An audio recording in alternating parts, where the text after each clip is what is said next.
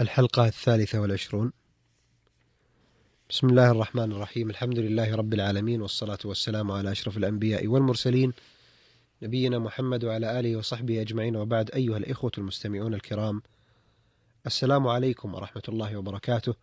وحياكم الله إلى هذا اللقاء الجديد الذي يجمعنا بفضيلة الشيخ الدكتور عبد الكريم بن عبد الله الخضير وفقه الله في مطلع هذا اللقاء. أرحب بفضيلته فأهلا وسهلا بكم شيخ عبد الكريم. حياكم الله وبارك فيكم. أيها الإخوة المستمعون الكرام ولا يزال الحديث موصولا حول هدي النبي صلى الله عليه وسلم في رمضان. وفي هذا اللقاء آه، لعلكم فضيلة الشيخ تتحدثون عن ما ورد في هديه صلى الله عليه وسلم في عدد ركعات القيام وأقوال أهل العلم في آه، عددها. الحمد لله رب العالمين. صلى الله وسلم وبارك على عبده ورسوله نبينا محمد وعلى آله وصحبه أجمعين. أما بعد فقد ثبت في الصحيح من حديث عائشة رضي الله عنها أنها قالت ما كان رسول الله صلى الله عليه وسلم يزيد في رمضان ولا في غيره على إحدى عشرة ركعة. يصلي أربعا فلا تسأل عن حسنهن وطولهن ثم يصلي أربعا فلا تسأل عن حسنهن وطولهن ثم يصلي ثلاثا. وثبت عنه عليه الصلاة والسلام أنه صلى بثلاث عشرة ركعة. وفي صحيح مسلم أنه كان يفتتح صلاة الليل بركعتين خفيفتين. وصح عنه عليه الصلاة والسلام أنه قال صلاة الليل مثنى مثنى فإذا خشي أحدكم الصبح صلى ركعة واحدة توتر له ما قد صلى. وروى البخاري من حديث ابن عباس رضي الله عنهما أنه قام مع النبي عليه الصلاة والسلام ليلة فصلى ركعتين ثم صلى ركعتين ثم ركعتين ثم ركعتين ثم ركعتين ثم ركعتين ثم أوتر. ففي حديث عائشة التحديد بإحدى عشرة وصح عنه الثلاث عشرة وصح عنه أكثر من ذلك كما في حديث ابن عباس وجاء الإطلاق في صلاة الليل وأنها مثنى مثنى. وكل ذلك يدل على أن العدد غير مراد. ولذا يختلف أهل العلم في عدد صلاة التراويح. قال الترمذي أكثر ما قيل أنها تصلى إحدى وأربعين ركعة. يعني بالوتر وعن مالك ست وأربعون وثلاث الوتر وهذا هو المشهور عنه وقال بعضهم ثلاث وعشرون وقيل غير ذلك استدلالا بالحديث المطلق صلاة الليل مثنى مثنى فلا تحديد لكن من تقيد بفعله عليه الصلاة والسلام عددا ووصفا فهو أولى ومما جاء في صفة صلاته عليه الصلاة والسلام في تطويله الصلاة حديث ابن مسعود رضي الله عنه قال صليت مع النبي صلى الله عليه وسلم ليلة فلم يزل قائما حتى هممت بأمر سوء. قلنا وما هممت به؟ قال هممت أن أقعد وأذر النبي عليه الصلاة والسلام. رواه البخاري. وعن عائشة رضي الله عنها أن رسول الله صلى الله عليه وسلم كان يصلي إحدى عشرة ركعة. كانت تلك صلاته. يسجد السجدة من ذلك قدر ما يقرأ أحدكم خمسين آية. قبل أن يرفع رأسه ويركع ركعتين قبل صلاة الفجر. وثبت عنه عليه الصلاة والسلام أنه قام بسورة البقرة ثم النساء ثم العمران في ركعة. وثبت عنه أنه أوتر بخمس وسبع وتسع وغير ذلك. فالظاهر أنه ليس هناك حد معين لصلاة الليل. لكن من قلل العدد عدد الركعات أطال القراءة والسجود. ومن أكثر العدد في الركعات خفف ذلك. نعم خفف ذلك. على خلاف بين أهل العلم في المفاضلة بين طول القيام والقراءة والسجود وكثرة عدد الركعات. في هذا يقول الحافظ بن رجب رحمه الله في القواعد القاعدة السابعة عشرة إذا تقابل عملان أحدهما ذو شرف في نفسه ورفعة. وهو واحد والآخر ذو تعدد في نفسه وكثرة فأيهما يرجح؟ ظاهر كلام أحمد ترجيح الكثرة ولذلك صور. أحدها إذا تعارض صلاة ركعتين طويلتين وصلاة أربع ركعات في زمن واحد فالمشهور أن الكثرة أفضل. وحكي عن أحمد رواية أخرى بالعكس وحكي عنه رواية ثالثة بالتسوية. من فروع هذه القاعدة ما تقدم أيضا القراءة بالتدبر والتفكر و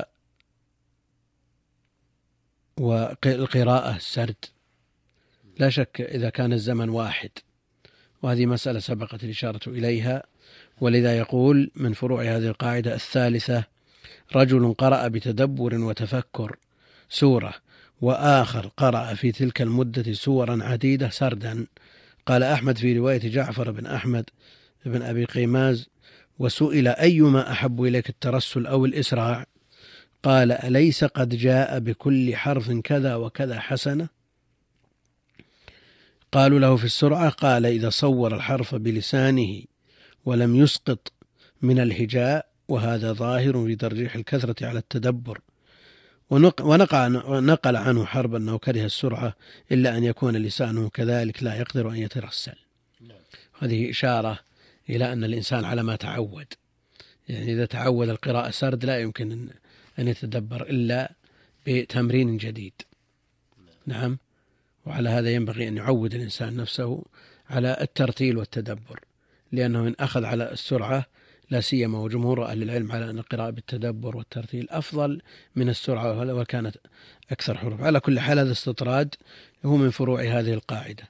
هناك خلاف أيضا بين أهل العلم في مسألة آه، تطويل القيام.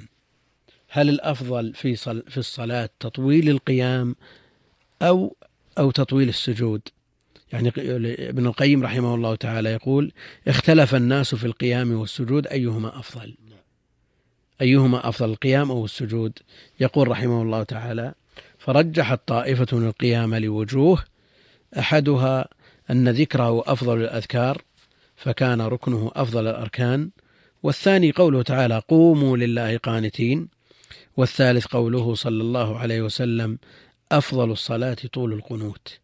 فعلى هذا القول الأفضل أن يطيل القيام وإطالة القيام تكون بإطالة القراءة. ولو كانت هذه الإطالة على حساب الركوع والسجود. قالت طائفة على القول الثاني السجود أفضل. ومقتضى هذا القول أن يطيل السجود ولو كان على حساب طول القيام. واحتجت بقوله عليه الصلاة والسلام أقرب ما يكون العبد من ربه وهو ساجد.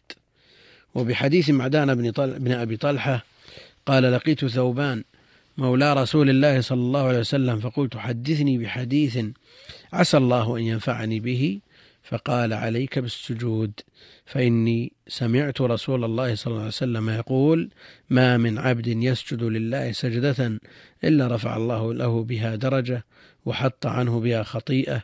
قال معدان ثم لقيت أبا الدرداء فسألته فقال لي مثل ذلك. وقال رسول الله صلى الله عليه وسلم لربيعة بن كعب الأسلمي وقد سأله مرافقته في الجنة أعني على نفسك بكثرة السجود.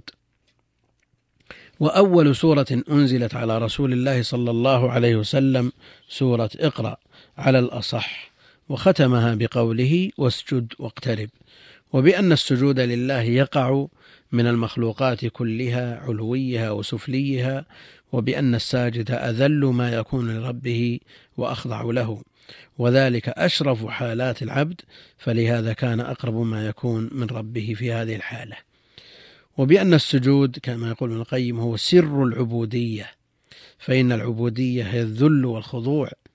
يقال طريق معبد أي ذللته الأقدام ووطأته وأذل ما يكون العبد العبد وأذل ما يكون العبد وأخضع إذا كان ساجدا. وقالت طائفة طول القيام بالليل أفضل وكثرة الركوع والسجود بالنهار أفضل. واحتجت هذه الطائفة بأن صلاة الليل قد خصت باسم القيام.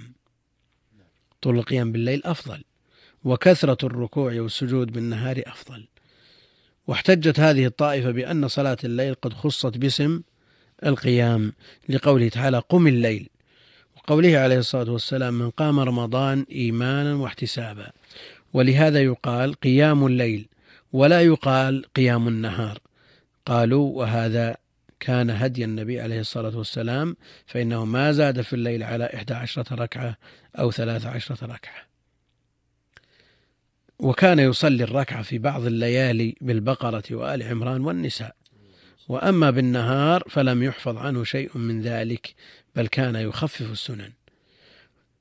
يقول ابن القيم وكان شيخنا يعني شيخ أبا العباس تقي الدين ابن تيمية رحمة الله عليه الصواب أنهما سواء والقيام أفضل بذكره وهو القراءة والسجود أفضل بهيئته فهيئة السجود فهيئة السجود أفضل من هيئة القيام فهيئة السجود أفضل من هيئة القيام وذكر القيام أفضل من ذكر السجود وهكذا كان هدي رسول الله صلى الله عليه وسلم فإنه كان إذا أطال القيام أطال الركوع والسجود كما فعل في صلاة الكسوف.